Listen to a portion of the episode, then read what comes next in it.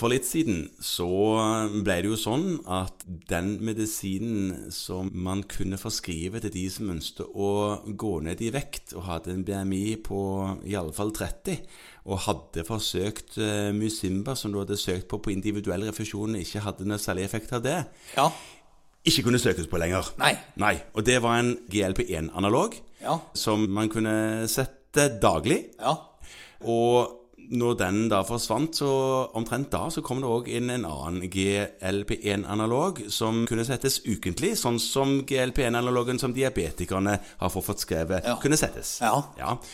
Em, og så er det jo en del som har vært litt irritert på at eh, den muligheten til et eh, godt og sikkert vekttap skulle forsvinne. Muligheten er der, men du fikk det ikke på blå lenger.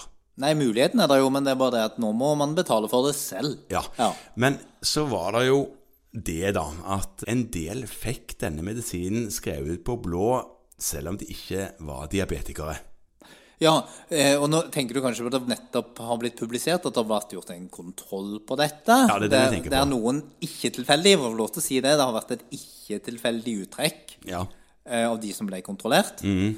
Og der det viste seg at i den gruppen der, det var ti stykker, så hadde da 61 av pasientene ikke diabetes Men fikk GLP-1-analogen allikevel. på blå resept. blå. Ja. Og det, det må man jo bare si at det er jo ikke lov. Nei, det Nei. er det jo ikke. Nei. Det er ikke off-label engang. Men man kan være veldig uenig. Ja, det er det. og her må vi skille litt, ja, for nå sa du noe veldig lurt. For det at eh, off-label-bruk, Ja. det å bruke en medisin på annen indikasjon enn det som står i indikasjonsstillingen i felleskatalogen, Ja.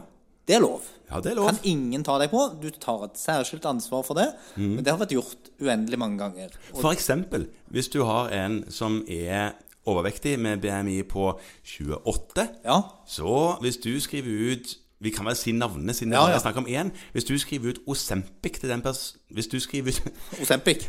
Ja. Eller Vigovi. Vegovi har for så vidt indikasjon Ja, på til 27. 27. Ja. Men Osempic, Ja. hvis du skulle gjøre det, da, selv om den er jo forbeholdt diabetikerne Ja. Men hvis du gjør det, så er du off-label. Ja, du er off-label. Ja. Men det kan du gjøre hvis du har sterke argumenter for det. Ja. Det du ikke kan gjøre, er å drive sånn off-label blåreseptskrivning. Der må du forholde deg til regelverket, for der forvalter man på en måte Gjør man jo et slags forvaltningsvedtak, Ja. og da er det regler for det.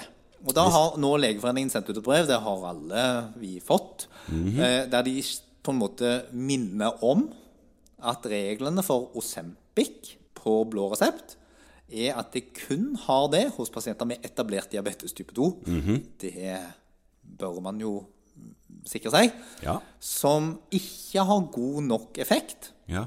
av Og her er det sånn og-eller-greie. Ok. Metformin og-eller eh, sulfonylurea og-eller basalinsulin. Ja. Så du må på en måte Og de må da bruke en av de En av de tre er da nå fortolkningen til Helfo. og har ikke òg Jo, nei, Helfo har sagt at sånn tolker vi det, ja. ja. Eh, Og det er de som bestemmer. Så igjen så er det sånn at her kan man få lov til å være veldig uenig, og man kan godt si at man er uenig, men det hjelper ikke å være uenig, for det er det de har sagt da. Nei, så hvis du er uenig og på en måte act on that, Ja. så gjør du noe feil. Ja. Ja. Og sånn står det. Og Legeforeningen skriver faktisk det i dette brevet, at selv om indikasjonsstillingen og refusjonsstillingen ikke er lik, så er det på en måte refusjonsstillingen som bestemmer. Mhm. Og så skriver de òg at det må være dokumentert hvilke doser som er forsøkt, og eventuelle hvilke bivirkninger.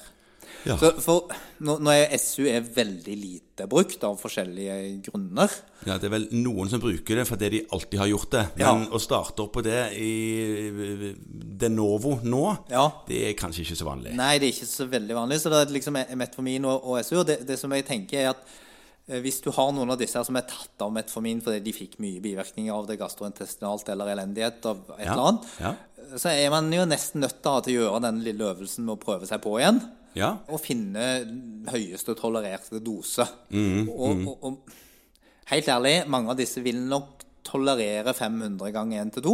Ja. Ikke alle på langt nær, men kanskje noen. mange. Ja. Eh, som jo da er et paradoks, for da må vi skrive ut mer medisiner til dem. Men ok. ok. Men, men noen av de har jo kanskje nyresikt. Ja. Og den gruppa de faller litt merkelig her mellom barken og veden. Nå skal Ja. det sies at mange av de skal jo kanskje ha en SGL2-hemmer istedenfor. Ja, Og, og hvis ja. de bare har diabetes, holdt jeg på å si, hvis de ikke har noen andre sykdommer, Ja. så kan du ikke kombinere SGLT2 og GLP-analog. Det er også spesifisert Ja. i refusjonskriteriene. Det er det. Ja. Mm. Eh, sånn at da må du velge, og det er klart at har man nyresvikt i en sånn grad at metformin er kontraindisert, Mm. så får man plutselig ikke tilgang på GLP-1 på blå resept, sånn som Helfo nå tolker dette. Ja. Det går det jo an å være dundrende uenig i, Ja, men ut ifra ja. et medisinsk ståsted. Da ender du opp med basalinsulin, da. Altså sånn middelangtidsvirkende insulin, insulatard Ja, eh, det i en kan du liten gi. skvett. Eller SU. Eller SU. Jo, Ja. men hvis du er skeptisk til SU, som mange, mange er, da Ja.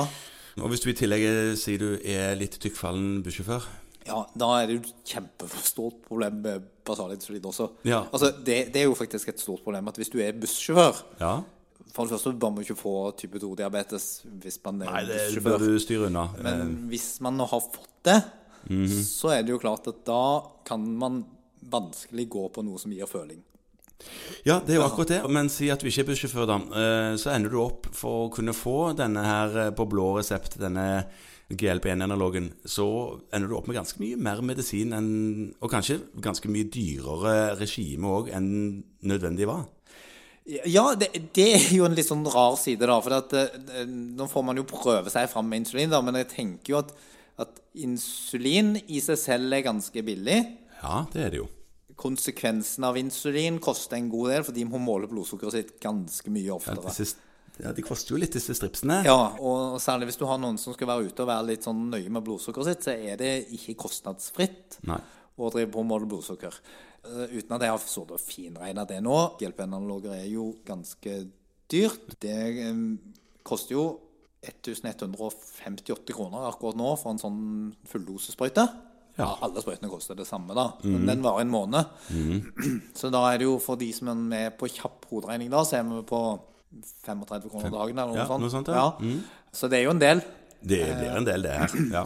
Så spørsmålet er jo da om du da har mange pasienter der du tenker at du med insulin får like god kontroll på HbA1c-en.